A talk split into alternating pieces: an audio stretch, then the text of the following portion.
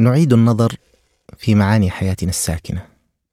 نشعل فتيلها لتبعث من جديد.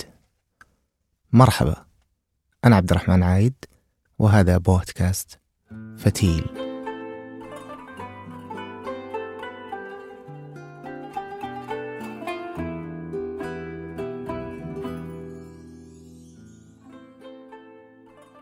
من أجمل مظاهر رمضان سفرة الإفطار.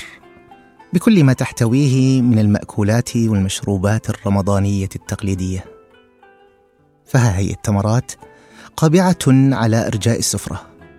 تنتظر بشوق إلى تقبيل انامل الصائمين وها هي الشوربة متوسدة صدر السفرة.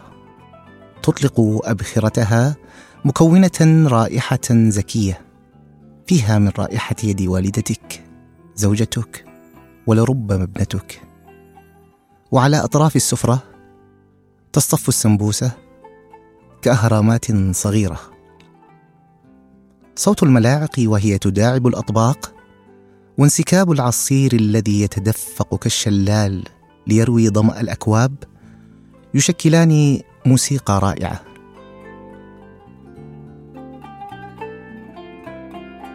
أدرك أنني أسرفت في نقل هذه الصورة. وقد تكون صائما الآن وأنت تستمع لهذه الحلقة. أعتذر منك.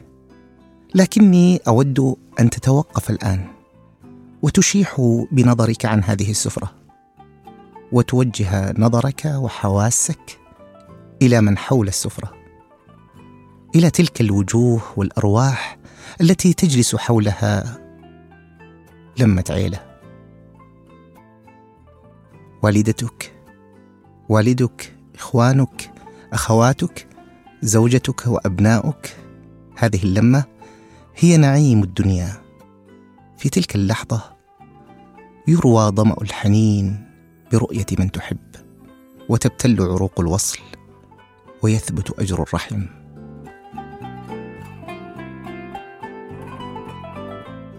استشعارك لهذه النعمة بوجودك محاطا بمن تحب. لحظة تستحق الامتنان بل والمبالغة بالامتنان. أعرف كثيرا ممن اغتربوا التماسا لطلب علم أو سعيا في الأرض لطلب رزق يتمنون أن تعطيهم الدنيا وأن يكونوا في مثل موضعك. على هذه السفرة. امتن حتى لو بعدت المسافة وشقت السبل. فالدعاء والصدقة جناحي وصل تمتد جسورها لمن نحب.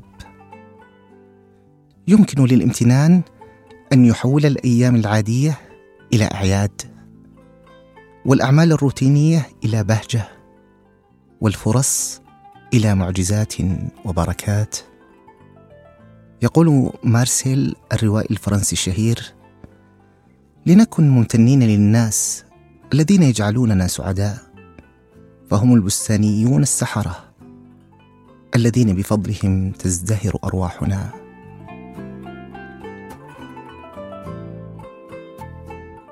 إن ملاحظة الأشياء المحيطة بنا والتي اعتدنا على تواجدها تحتاج إلى قوة الانتباه وممارسة عادة الامتنان فبالشكر تدوم النعم.